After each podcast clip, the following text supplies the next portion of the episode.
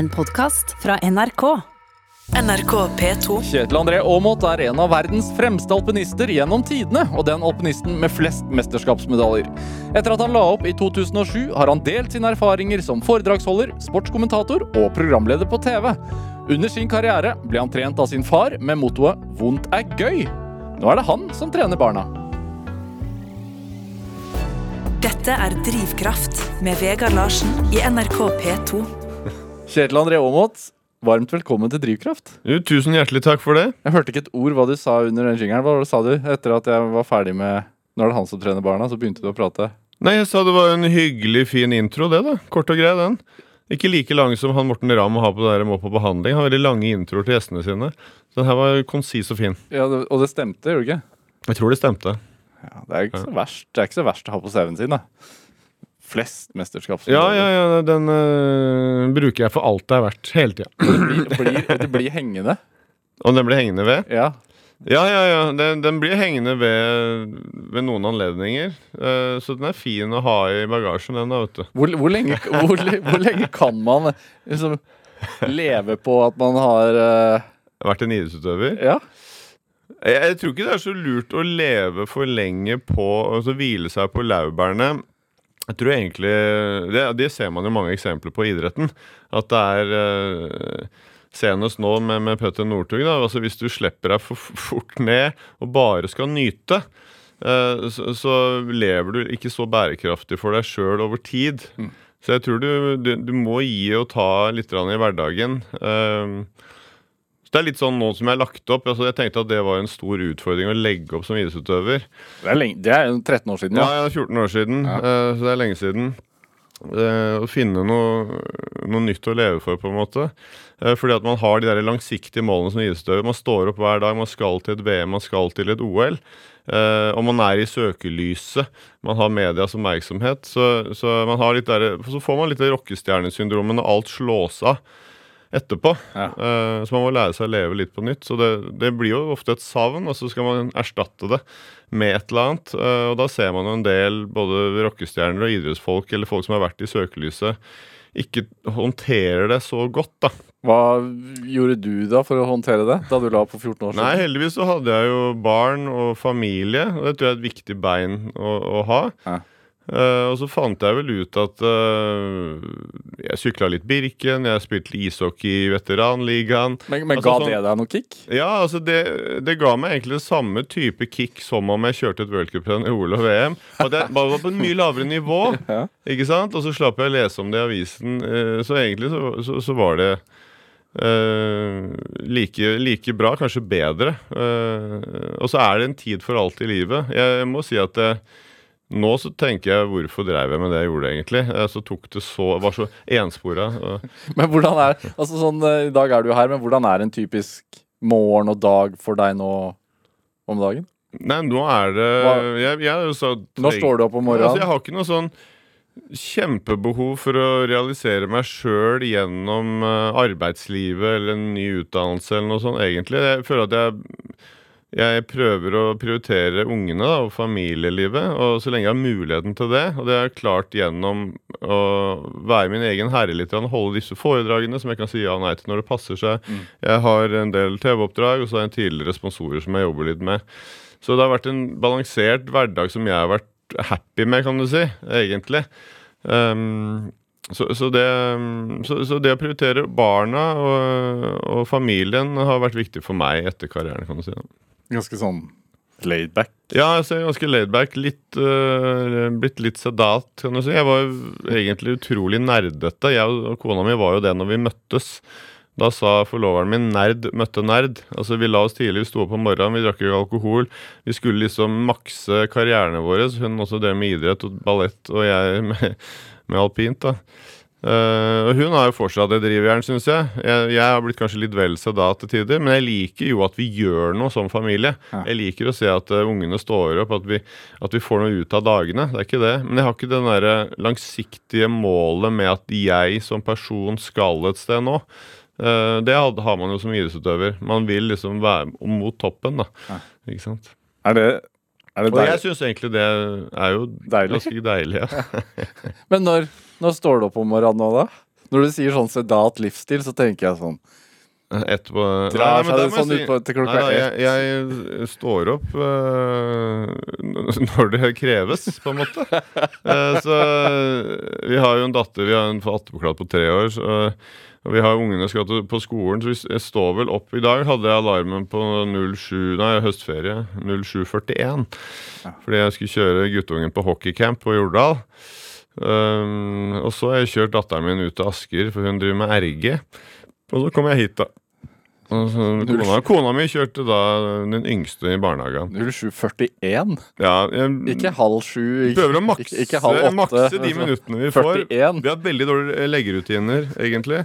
Så vi ungene er altfor seint i seng. Så Aksel la seg vel tolv, da. Og da vil jeg gjerne at han får flest mulig minutter i den senga. Fordi han skal på hockeytrening, og være på is klokka ni. Ja. Ja. Det er vanskelig det med søvn. Ja, I hvert fall med de minste, da. Men jeg tenker sånn, når du er tidligere alpinist, så er det sånn hvert sekund. Hvert minutt teller også det i. Ja, men det, det var mange. Jeg husker Lasse Arnesen og Jan Einar Thorsen var det vel. De hadde sånn Hvor lenge kan vi sove for å rekke å komme oss tidsnok opp på Breen? Så de var på sekundene. Så, liksom, så de drøyde og drøyde så lenge som mulig. For da, og da var det sånn at de akkurat drakk eh, treninga. da Så, så det ble, vi, vi var veldig Det var en ganske stressende gjeng å være på tur med alpinlandslaget. Det skal sies. Fordi Ja, det er mange trillsikere, for det første. Eh, Trillsikere, altså at de de, de, de, søker, vil være med. de vil hoppe i fallskjerm, de vil hoppe i strikk. Jeg var ikke en trillsikker, men jeg hadde veldig konkurranseinstinkt. Så jeg gjorde veldig mange ting jeg egentlig ikke hadde lyst til å gjøre, fordi jeg ville ikke være noe dårligere enn de andre. Som for eksempel. Ja, Det var som å hoppe i fallskjerm og hoppe i strikk, da, for eksempel. Eller det å kjøre utfor. Ja, det likte ikke. Nei, jeg var ikke noe glad i fart.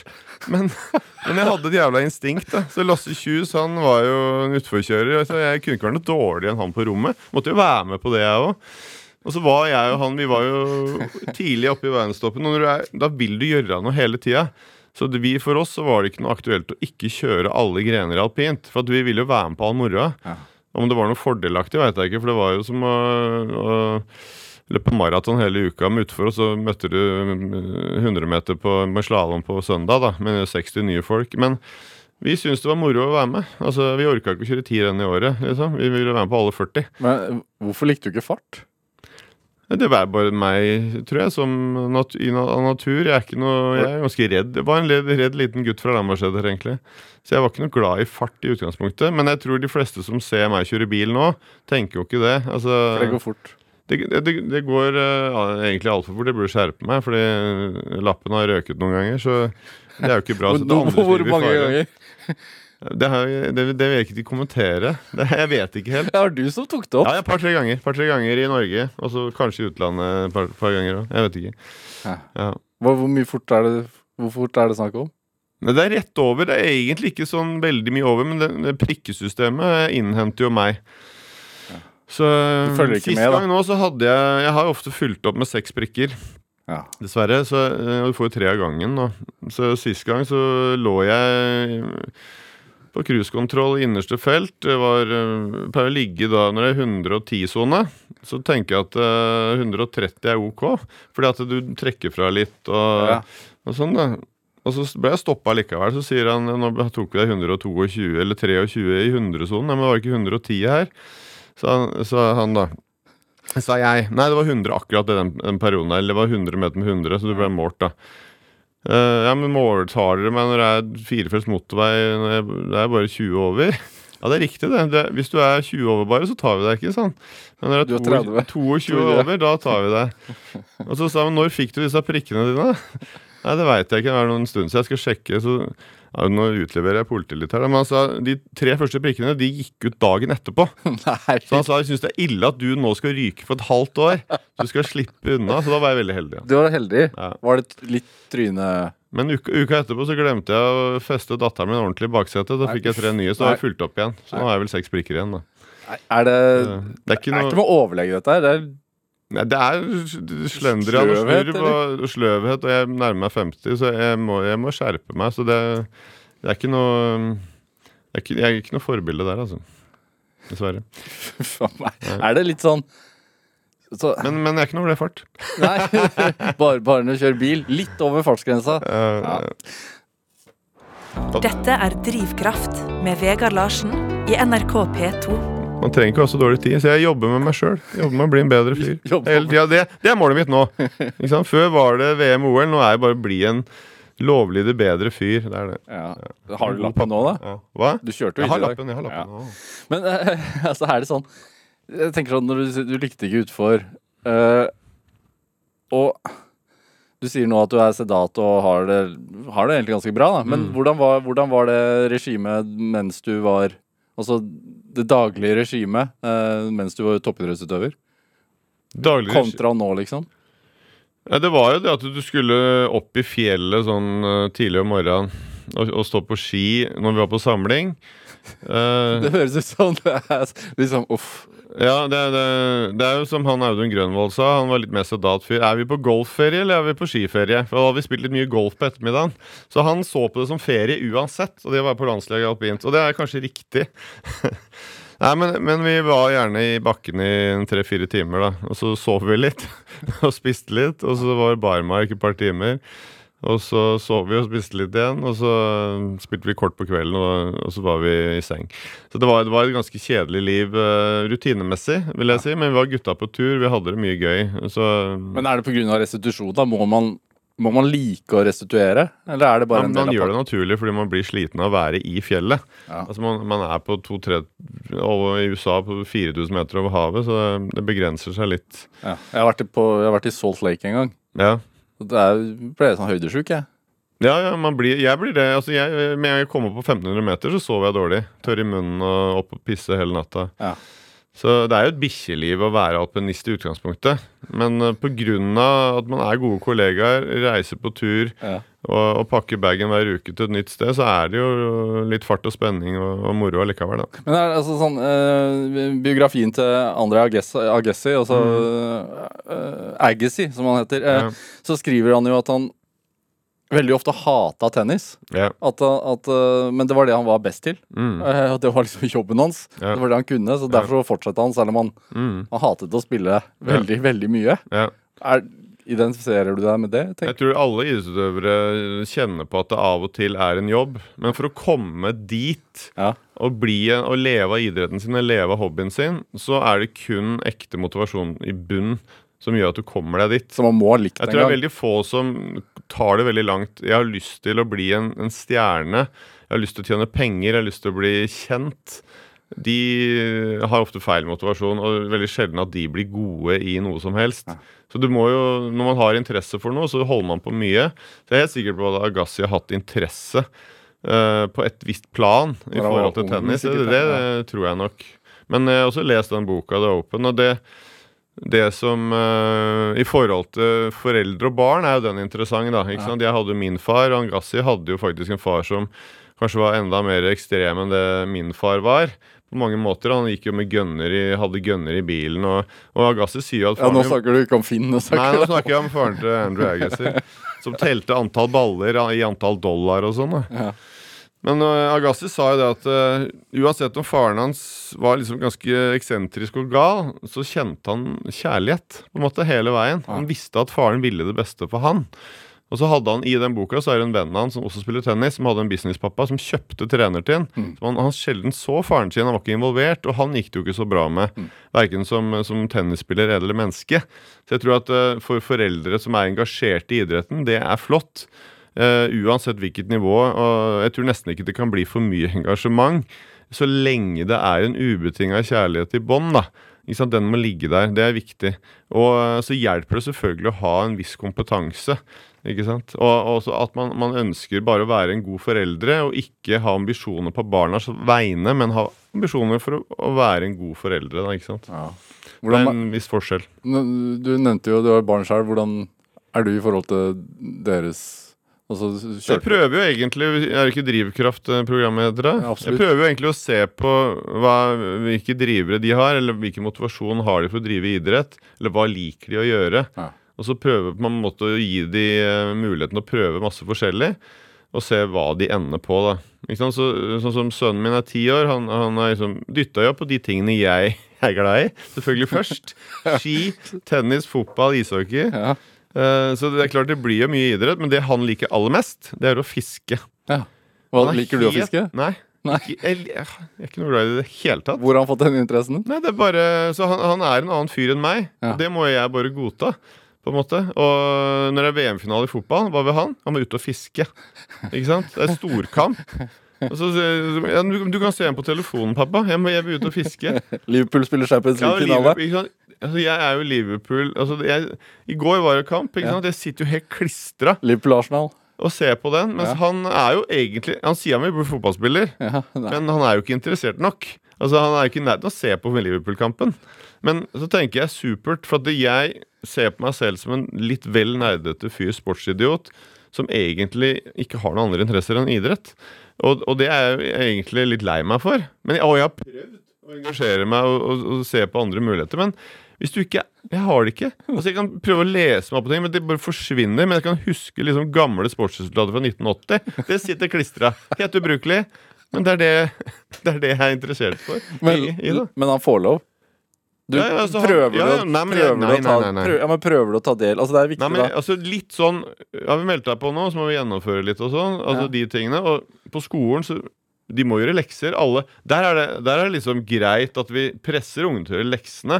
Det er liksom, Alle må det, men det er litt sånn idretten fy-fy hvis du sier at du må trene. Ja.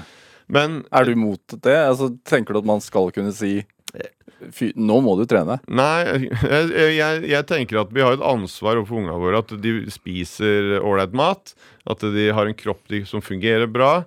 At vi lærer de å leve bærekraftig da, for seg sjøl. Ja. Det, det føler jeg at det er litt foreldrenes ansvar. Og så litt, litt konsekvenser i forhold til de valgene de tar, kan man jo fortelle dem. Det var egentlig det fattern fortalte meg. Var jo, du, du kan godt velge noe annet enn det jeg sier nå, Ja. men da kan du ikke ha et mål om å bli verdensmester. Vondt er gøy, var det ikke det han sa? Ja, Vondt er gøy var jo hans eh, Fordi vi klagde litt mye. Nordstrand alpingruppe, som han hadde ansvaret for på 70-80-tallet, der var det jo en del syreøkter på sommeren. ikke sant? Utforstilling opp og ned på Ekeberg der. Og det var noen som klagde litt og sånn. Så sa han eh, lei av den sytinga. Vårt slagord er 'vondt er gøy'. En ren selvmotsigelse. Men hvis man har litt grann, eh, liksom humor rundt det å slite, da, så var det kanskje litt lettere da, å ta de siste draga med melkesyre. da. Men hva er det Hva er balansen i dag? Altså, tror du at Lærer barn i dag Altså, noen gjør sikkert det, men altså at vondt er gøy?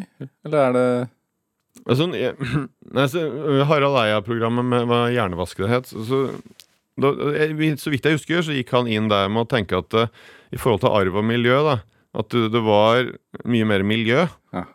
Men han konkluderte vel med at det var ganske mye arv.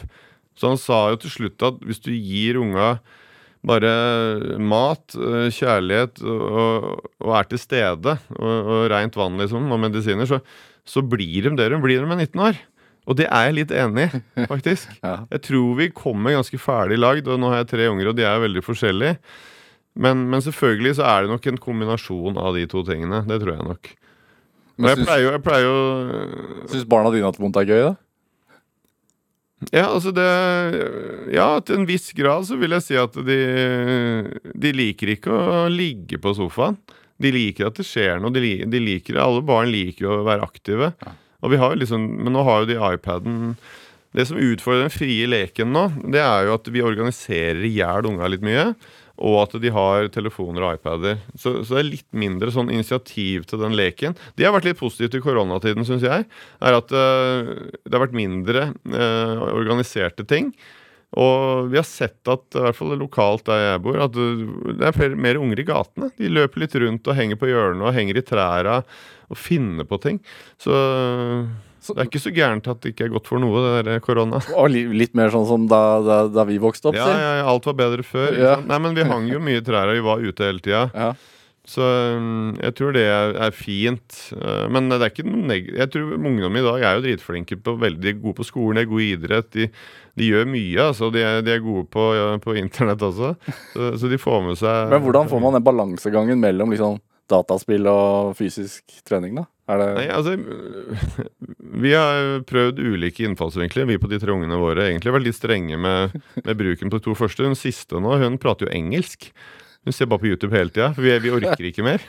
så, så det er uh, men, men selv hun legger jo den fra seg til slutt. Ja. Det er de færreste Treåringen. ja, ja, ikke sant? Det er de færreste Jeg vil ikke se på YouTube mer. Ikke sant? Gidder du ikke det. Faen, hva skal vi gjøre da? Må vi finne på noe for det? Nei, ja, så Nei, jeg, jeg tror de fleste Det er de færreste som liksom blir ved den iPaden og, og spiser potetgull til de veier 200 kilo, på en måte. Ja. Altså, altså det de, de begrenser seg sjøl, og folk, folk ønsker å ha en eh, naturlig, variert hverdag. Jeg tror jeg sånn altså Jeg tenkte også på med drivkraft. Det er jo primærbehovene våre er jo én ting. De driver jo oss framover, altså på en måte.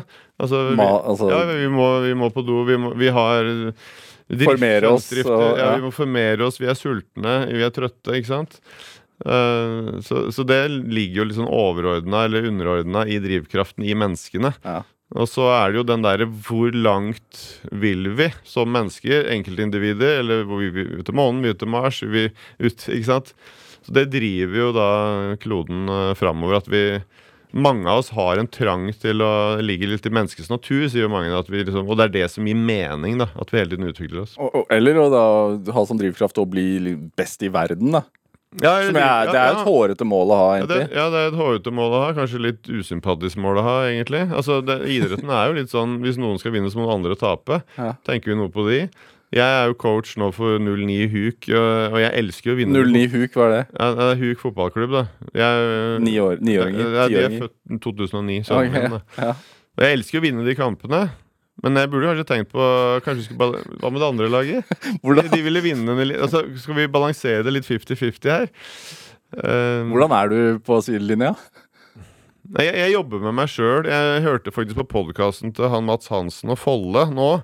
Hvordan har du det, mann? Og, og Ja, om VG-podkasten. Hva? Ja, den VG-podkasten. VG-podkasten, og da snakket de om det med hvordan man skal liksom få folk til å føle seg vel i idretten, egentlig. Ja. Uh, og jeg er vel prototypen på en kar som har dårlig kroppsspråk, både med medspillere og offer meg når de ikke de får til ting og sånn.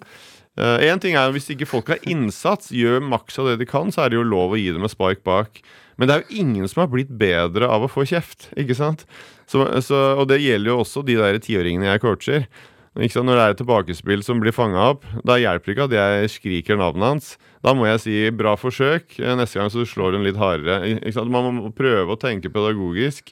Eh, og, og de trenger skryt, egentlig. Altså man, hvis man har liksom 99 positive meldinger, Ja. det er den ene man husker den negative. Dessverre, sånn er vi mennesker litt laga. I hvert fall noen av oss. Ja. Så det gjelder å egentlig bare skryte så mye som mulig. Men det er jo lov å sette noen krav også, da, eh, tenker jeg. Og det tror jeg en del både voksne og barn liker. Å, få litt eh, ansvar. Men altså, sånn, eh, jeg er fra Lambertseter i Oslo. Ja. Det er ikke akkurat det stedet man vokser opp hvis man skal bli alpinstjerne. Nei, det er ikke det. Hva, hva, Eh, hva, liksom, hva er oppskriften da for å Ja. Nei, På den annen side så er det jo ganske mange av de som har blitt gode i alpint i Norge, og vi har vært ganske gode de siste 30 årene, er jo ifra Oslo og Bærum og, og, og Akershus, da. Uh, og, men de, de, de som rekrutteres De største rekrutteringene er jo Heming, uh, Heming, som også jobber kjempebra. Flinke, de. Men det er ikke så veldig mange av de som har tatt det helt til topps, da.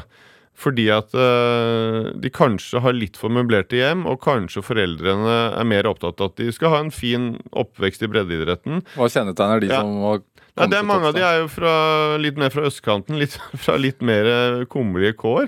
Ja. Uh, og det ser vi også i, i, i verden i fotball. det. Altså De gutta som De vokser opp i slummen, de har ikke fotballsko engang. De spiller åtte timer om dagen. Eneste de har å leke med, er den fotballen. Så det, det sier seg sjøl at da blir du Da er du sulten, du blir god, da. Så, så det er litt, litt sånn her, også hvis du ser på de som har blitt gode i alpin. Men det, jeg sier ikke at penger ikke kan er ikke, står ikke, ikke i veien for å bli god i noe. Det er mange alpinister som har kommet fra rike familier, som har blitt drita gode. Men de har også da hatt foreldre som har gode verdier i bånn. Ja. Eh, Men hvis du har foreldre som eh, kanskje er mer opptatt av eget vel og være og bare gir deg 1000 kroner, gå og leke i trafikken og bli med den der eh, bussen der på den samlinga Du må følge opp litt hvis du har lyst til å ta det helt ut. Hvis det er et mål i seg sjøl, om du blir noe lykkeligere av det, det veit jeg ikke. Men hvordan merker, altså, når merket du din sult, da? Den har vært der hele tiden, Ja, Som barn? Altså. Ja, alltid vært veldig opptatt av uh, idrett og aktivitet. Og uh, hatt et konkurranseinstinkt som har vært ubehagelig eh, å leve med på mange måter. Men du, det, du har jo pratet om dette før, men hvorfor ble det alpint i det hele tatt? Altså Ja, det, og jeg var veldig glad i fotball, Ja. eh, og det var jo fordi at det var veldig sånn Bare ta med ballen ut, og kameratene mine spilte. Alpint er mer krevende, utstyr, og det gikk fort, og det var farlig. Og, så jeg, men fattern var veldig opptatt av det. Eh, han syntes dette var eksotisk. Han var en ung foreldre. Han var 17 år når søsteren min kom, 19 når jeg kom. Og så ble dette familiehobbyen. Og mutter'n sa vi kan ikke sitte og se på TV hver kveld, vi må ut. Så da ble det det vi drev med på kveldstid. Eh, Så vi kjørte da opp til Seterbakken nedenfor Frognerseteren. Den første bakken der. Det var der vi begynte. Å kjøre opp og ned, opp og ned. Eh, og så bare balla det på seg. Fatter'n begynte å ta skikurs. Eh, og det begynte jo før det igjen, når han bodde i gamlebyen i Oslo, på sånn blokk. Og så kom det noen kule gutter Sankt Halvards gate.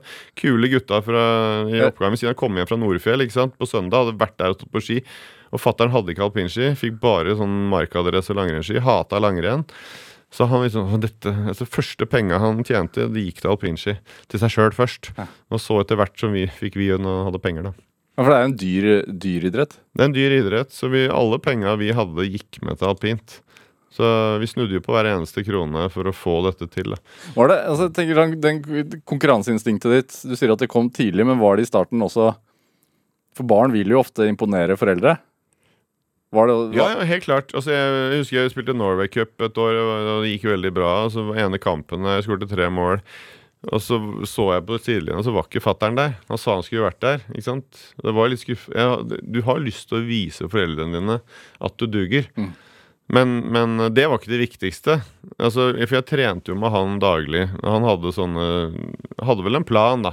På en måte. Hvordan var den treningen? Ja. Det var 100 pushups, 100 situps, 100 knebøy, 100 rygg. Kan... Og yogaøvelser, da. hvor gammel var du da? Det er 28 år. Så de på Lambertseter Det det er, det er et hardt regime. om ingen visste hva yoga var i 1978. Så de Ja. rista jo bare på huet og syntes vi var klin gærne der oppe. Ja. Ikke sant? Og fatter'n elsker å provosere de fordommene folk hadde, så han gikk ut på balkongen og sa hvis du ikke tar 100 pushups, så blir det ikke middag.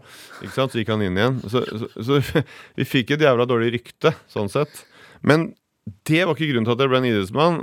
Etter jeg var ferdig med det, så var jeg på Løkka med kameratene mine og spilte fotball hele sommeren. Mange timer hver dag, og, og ishockey på vinteren. Så hadde jeg ikke gjort det, så hadde jeg aldri blitt en idrettsmann.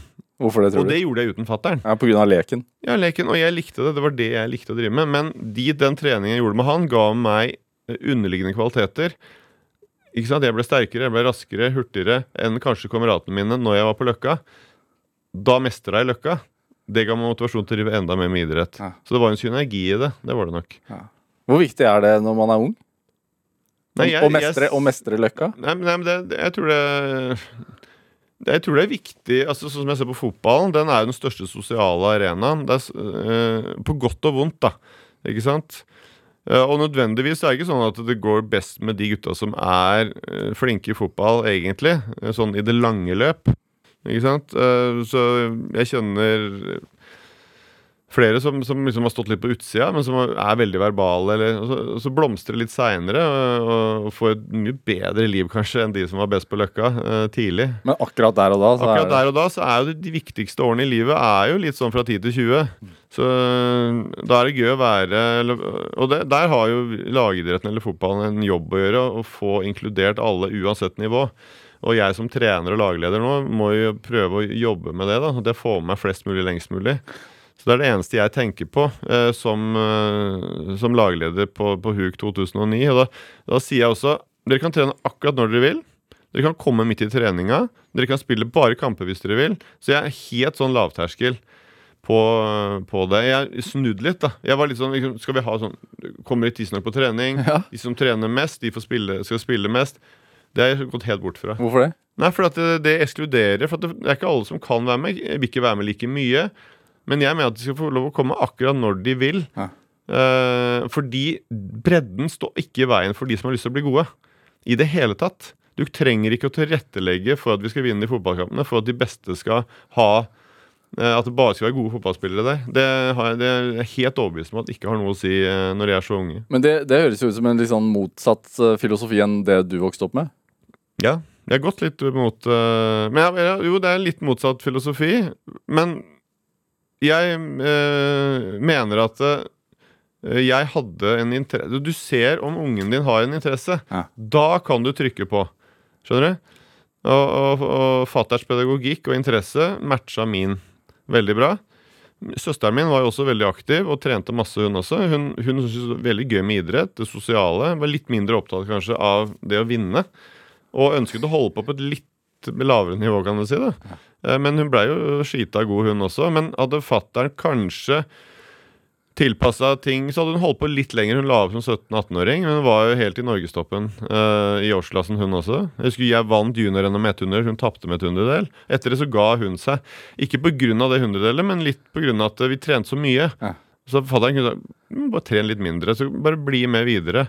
Men for han var det litt sånn enten så går vi all in, eller så bruker vi ikke penger på det. Ja, du, må, du får jo litt press, da. Jo, altså det, jeg kjente på det sånn- Familiens ære, som du skal Ja, lede ja, nå. Det. Men det gjorde jeg. Altså, fordi at det å være alpinist, som du sier Når jeg begynte å kjøre FIS-renn, det gjør du når du er 15 år gammel. Da er du inne i verdensrankingssystemet, og det koster jo bare å melde seg på et renn koster 1000 kroner.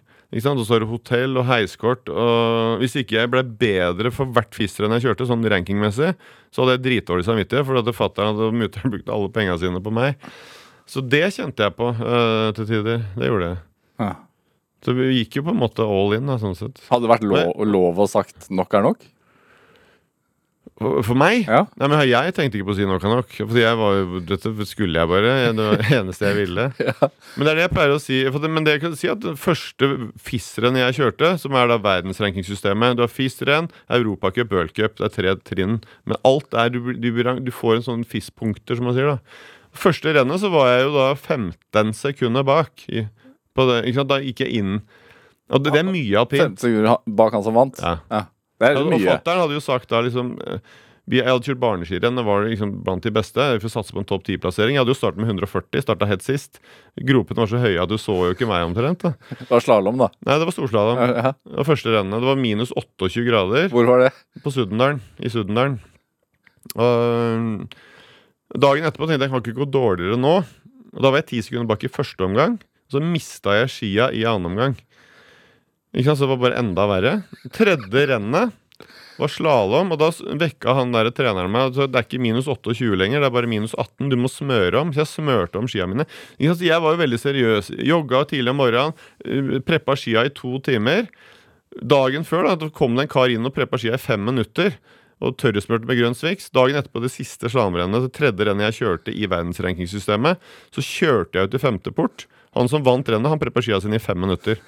Da får du lyst til å, å gi opp. Ikke sant? Da er du så langt bak, det er så langt unna. Ja. Og du føler at du gjør alt du kan, men at han andre som ikke gjør en dritt, han vinner. At han, da har du ikke talentet, tenker du. ikke sant? Hva gjør du da? Men det var det, altså det liksom, I forhold til det jeg sier til ungdommen, at aldri gi opp, egentlig. Så for Det det handlet om for meg, var å kjøre én sving litt raskere.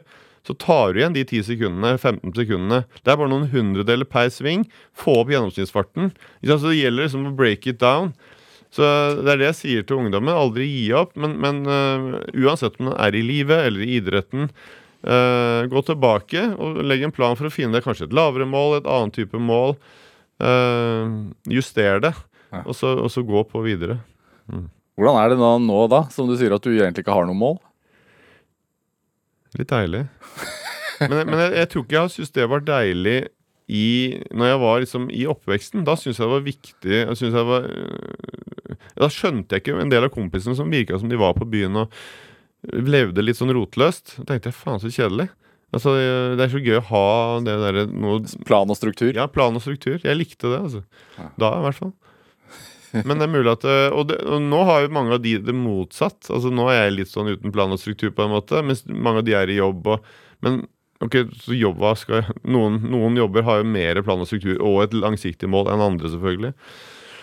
Eh, Men kanskje det er mer riktig å, leve planløst i ungdommen enn enn- kanskje, er- kanskje de lever, er lykkeligere mennesker enn det jeg har vært. Det vet jeg ikke. Men uh, da ville jeg det. Jeg ville gjort det samme igjen.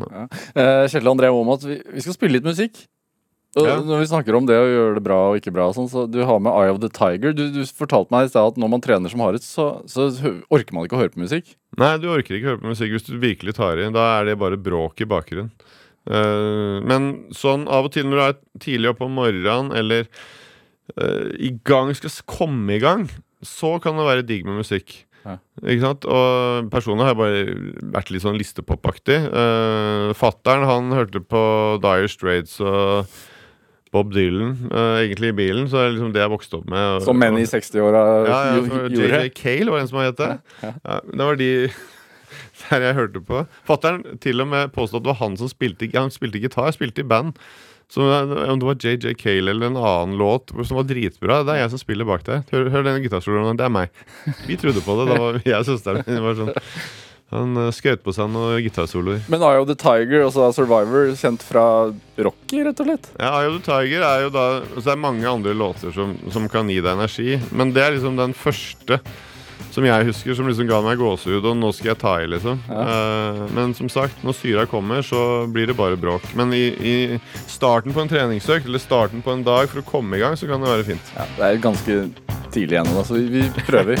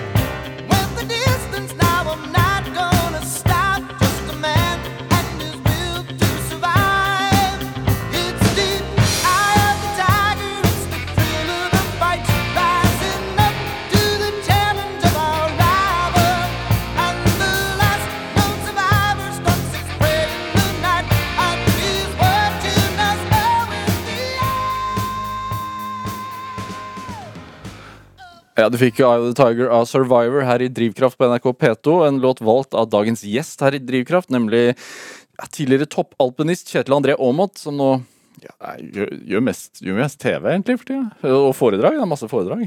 Ja, det har vært mye foredrag, og nå litt TV. Nå er det Familiens ære. Ja. Det har vel premiere 2. oktober.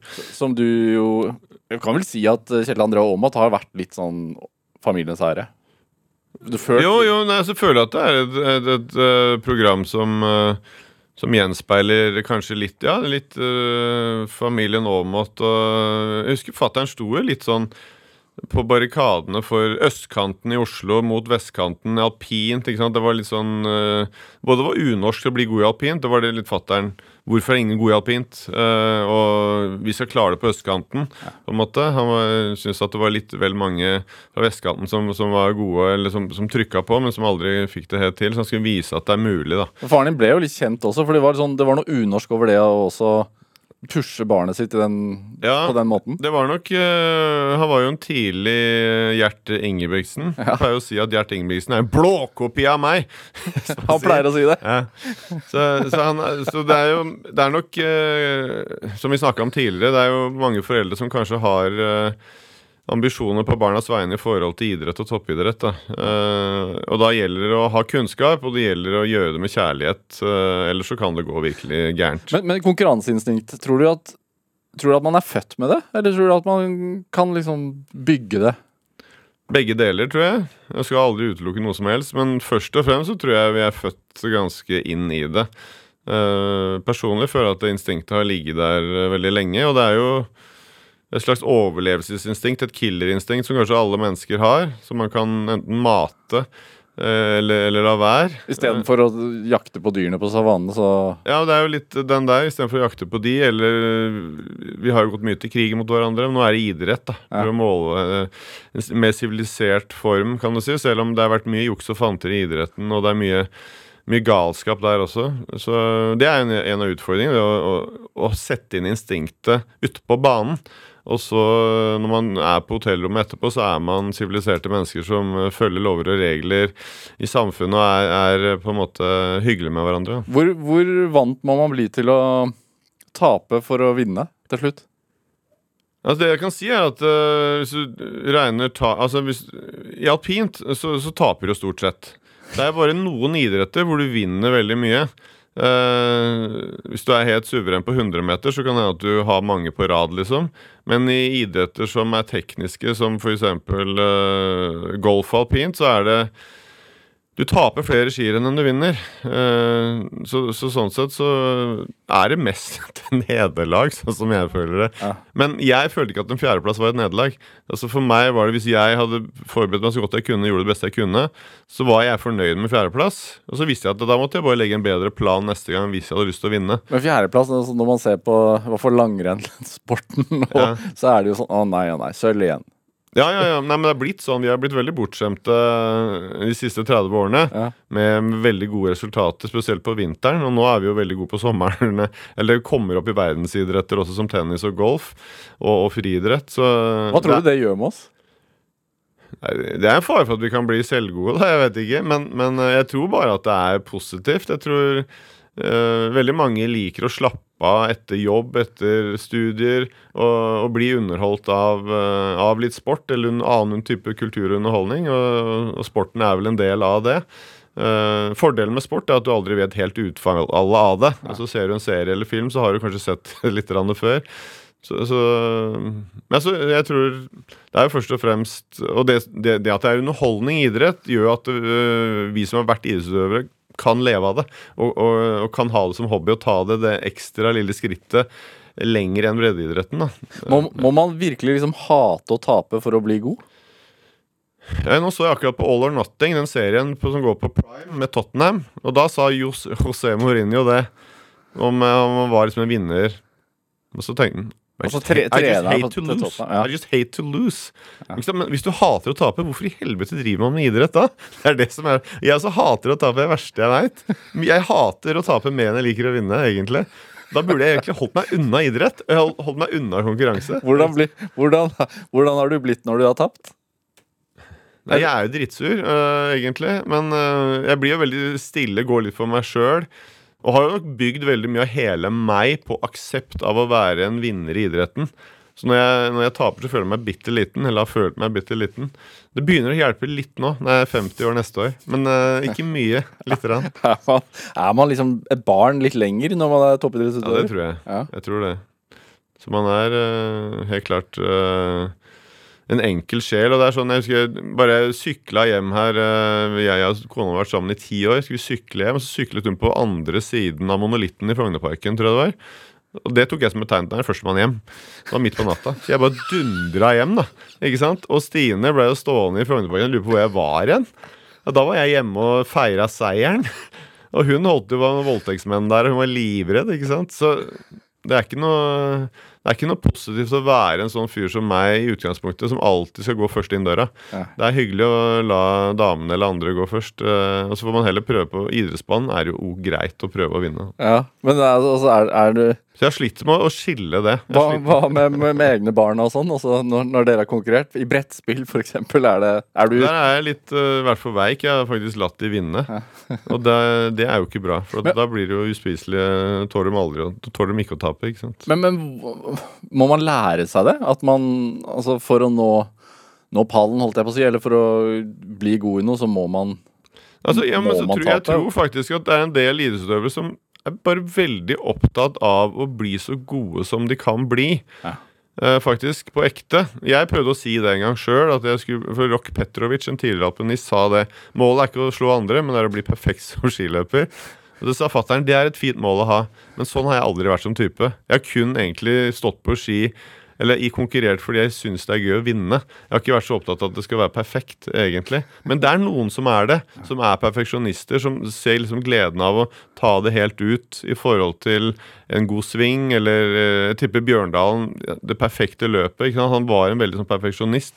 Så jeg tror vi, vi, vi kan ha ulike mål, da. Men er liker, når du ser alpint i dag, tenker du å, det var en perfekt sving, eller tenker du ja, ja? Nei, jeg kan tenke at det, det, var, dette var god kjøring. Eh, Jeg ser jo, analyserer jo selve løpet. Men eh, jeg tror ikke at han, eh, når Hirscher kjører inn til seier, at han tenker at Jeg gidder ikke å se på resultatlista, for det løpet her var jeg bare perfekt for meg. Jeg, synes, jeg hadde selv en god følelse. Jeg driter i om jeg blir nummer én, to eller tre. Jeg tror nok han sjekker Alle sjekker jo hvilken plassering de har når de kommer i mål. Men altså, når du etter hvert hevdet deg i toppen, da, virkelig er, Hadde du liksom én nemesis som var liksom ekstra viktig å slå? Altså sånn Ja, det, det, man, øh, man vil jo gjerne være best på rommet, f.eks. Så det var jo Jeg målte meg ofte mot Lasse, Ja. øh, for at vi kjørte alle grener og sånn. Så øh, han var jo på en måte både Lasse slo deg utfor hver gang. god, ja, han var en god kollega, og vi hjalp hverandre, men du ville jo også være best på rommet. Eh, men samtidig kunne vi også stå sammen som brødre egentlig av og til også, mot Hvis det virkelig ble tight, da. At vi skulle ta, ta de andre. Så det, det gikk litt begge veier. sånn sett. Mm. Litt sånn Maverick og Iceman i Top Gun. Ja, ja, ja, ja, kanskje. Ja. Hater hverandre hele Ja, tiden. Ja, hater hverandre hele livet. Ikke, jeg tror ikke det var så ille. Det er lenge siden jeg har sett Top Gun. Jeg Nei, de blir veldig venner til Det slutt. de, det, ja. Ja, ja. ja det ble det til slutt. Ja, ok. Ja, nok, om, nok om den filmen, si. Men er det eh, Men ble du Altså, ble Trente faren din deg i det, liksom? At sånn Nei. Fordi du fortalte om det første FIS-rennet, Ja. som gikk virkelig på trynet.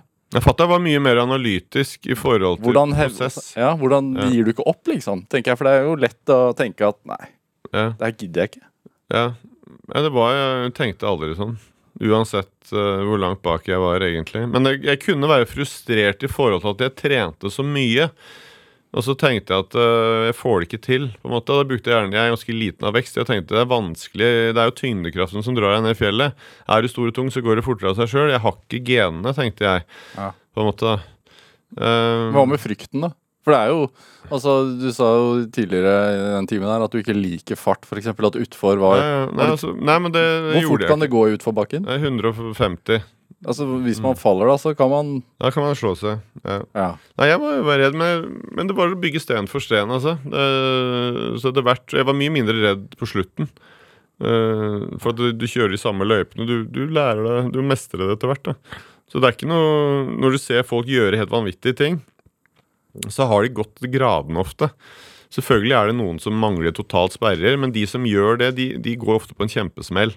Men de, de beste utforkjørerne, det er jo de som har forberedt seg så godt at de faktisk kan kjøre veldig fort når de ligger på 95% Hvis du hele tiden skal pushe 100, så vil du ta korsbåndet årlig. Men, men eh, Så det går ikke. For det er små, veldig små Ja. ting som skal til for å skade seg, egentlig. Ja, Og du Altså- kjører på is. Du kjører på is stort sett, men det, det er jo det beste underlaget. Det, det verste underlaget er jo det er løst. For da, da blir det hullete, og, og du kjører fast i 150 inn i et høl. Ja. Så brekker du jo beinet. Men er det Altså, jeg tenker hvis man er, står på startstreken og er redd, så må man jo hele tiden komme, Ja, to- komme over den kneika Ja, ja, hver to, gang. egentlig så var det to typer utfordringer jeg hadde på start. Det ene var jo da uh, prestasjonspresset. At jeg liksom ville prøve å vinne. Ja. Og det andre Skyve mikken litt fra deg, Kjetil ja, okay. Sånn. Sånn, ja. ja. Ja, Det var jo prestasjonspresset. Du, hadde, du ønsker å gjøre det bra. Og det andre var jo dødspresset. At du var redd for å dø. Så og det dødspresset måtte du jo overvinne først. En dødsangst, rett og slett. Dødsangsten, rett og Ja. Eh, så jeg hadde mye galgenhumor på start. Det var sånn naturlige ting. Jeg spøkte mye. jeg Prøvde å få de nervene over på andre, egentlig. Uh, men det var også en prosess over tid som gjorde at jeg uh, klarte å overvinne den frykten gjennom mestring. ikke sant? Så Et år så kjørte jeg svakt i en løype. Året etterpå så hadde jeg klart noen seksjoner bedre. Så jeg prøvde å bygge sten for sten, egentlig. Og gjennom trening, gjennom at jeg var sterk nok. Ikke sant? Hadde teknikken, hadde utstyret. Du bare sørge for at alt er på plass, sånn at du stoler på det. Og da kan du etter hvert tørre å gi 100 da. Du, du holder jo foredrag om dette her. Uh, og det er jo ikke bare idrettsmiljøer, det er jo til bedrifter og alt som er. Mm. hvordan er det overførbart, tenker du? Ja, For meg er de, de foredragene For meg er det mer underholdning egentlig enn det er et fag, egentlig. Men jeg tror det er ganske Uansett om du driver med hvilken jobb du har, om du driver med idrett, så er mange av de, det er mange av de samme mekanismene som gjelder hvis du har lyst til å leve litt mer interessant for deg sjøl hver dag. da. Og det er ikke noe hokus pokus, egentlig. Det er jo ofte de som står opp tidligst om morgenen, som, som får de beste resultatene, rett og slett.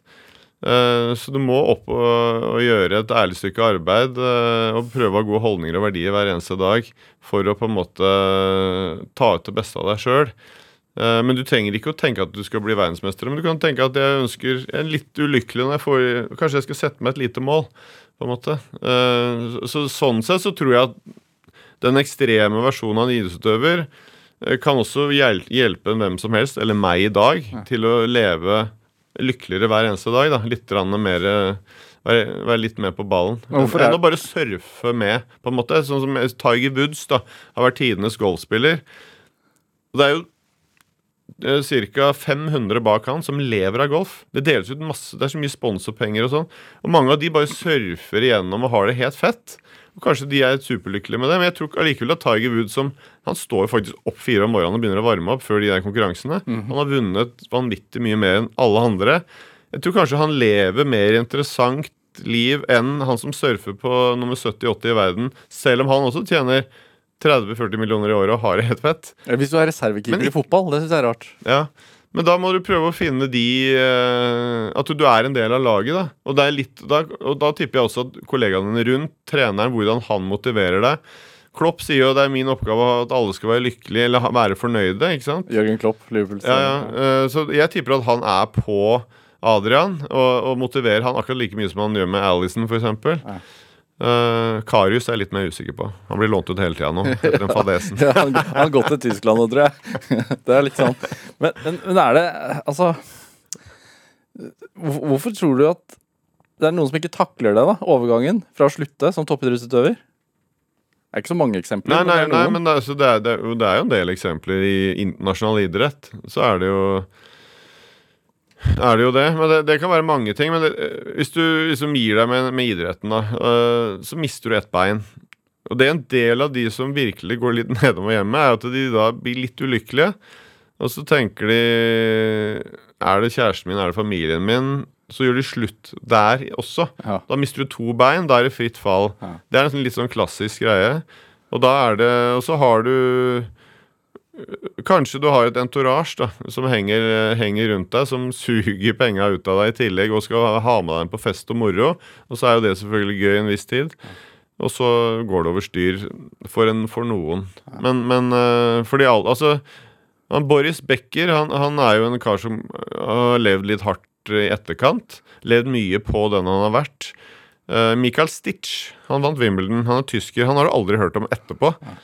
Han uh, sa det Jeg skal jo leve et langt liv, så han tok seg en utdannelse og jobber i bank eller et eller annet sånn kjedelig, på en måte. Men det er godt hende han er mer lykkelig og lever et mer balansert liv enn Boris Becker.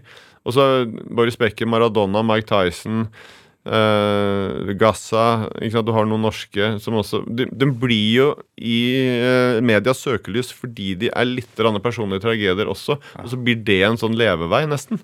Så, så det er en sånn derre men, men de aller fleste du ikke hører om, de som har gitt seg med idrett, de går inn i et vanlig, greit familieliv med en normal jobb og, og er mest sannsynligvis kjempehappy. Ja. Måtte du gå i deg sjøl? Eller var det bare Nei, jeg, jeg, jeg har på en måte, på en måte surfa litt eh, på idrettskarrieren Øh, og vært happy med det. Ja. Men etter to år så var jeg veldig sugen på comeback. Da savna jeg det fryktelig å stå på toppen av et fjell. Bli- Eh, spesielt når det var fint vær, og, og dundre ned og ha, Du sperra hele fjellet for deg sjøl. Så, så jeg kjente veldig på det, men jeg er veldig glad for at jeg ikke ble frista av det. Og nå savner jeg det ikke i det hele tatt, og skjønner egentlig ikke hvorfor jeg drev med det. Står du alpint? Jeg, jeg har jo prøvd å få familien og ungene til å kjøre. Ja. Men har ikke lykkes helt å få noe skiglede inn i de. Altså. Og det er kanskje fordi jeg var litt tidlig på den og var ute i all slags vær. Og de, fikk, de ville helst inn og drikke kakao og spise boller. Så jeg, for så vidt var det lurt, for 30 år til i fjellet var egentlig ikke, det var ikke noe jeg trakta etter. Altså. Kjetil André Aamodt, hva tenker du er, eh, er din drivkraft? Min drivkraft eh, er eh, Akkurat nå så er det familien, egentlig. Ja. og barna mine som er, drivkraften. Og så er jeg egentlig glad i å være fysisk aktiv fortsatt. Jeg elsker å Jeg trener litt hver dag. Jeg syns det er godt. Jeg er glad i primærbehovene. En slags drivkraft som ligger i bånn, som er, egentlig nesten er nok for meg. eh, sånn som ting er nå. Men jeg liker jo at det skjer noe. Så Og så trener du jo barn, da. Det, du må jo få noe ut av det òg. jo, jo, det, akkurat nå syns jeg det er kjempegøy å være til og med med deg som styreleder i HUK. Så det passer bra nå som eh, det er lite foredrag pga. korona. Ja. Så da prøver jeg å få den klubben til å, til å snurre rundt, da. Kjetil André Aamodt, tusen takk for at du kom hit. Bare hyggelig. Hør flere samtaler i Drivkraft på NRK på nett, eller last oss ned som podkast. Send oss også gjerne ris og ros og tips til mennesker du mener har drivkraft. Send en e-posten til drivkraft, krøllalfa, nrk.no. Produsent i dag var Kjartan Aarsand. Siv Ammer researchet dette programmet, og Anne Sofie Stang bidro også sterkt. Jeg heter Vegard Larsen. Vi høres. Du har hørt en podkast fra NRK. Hør flere podkaster og din NRK-kanal i appen NRK Radio.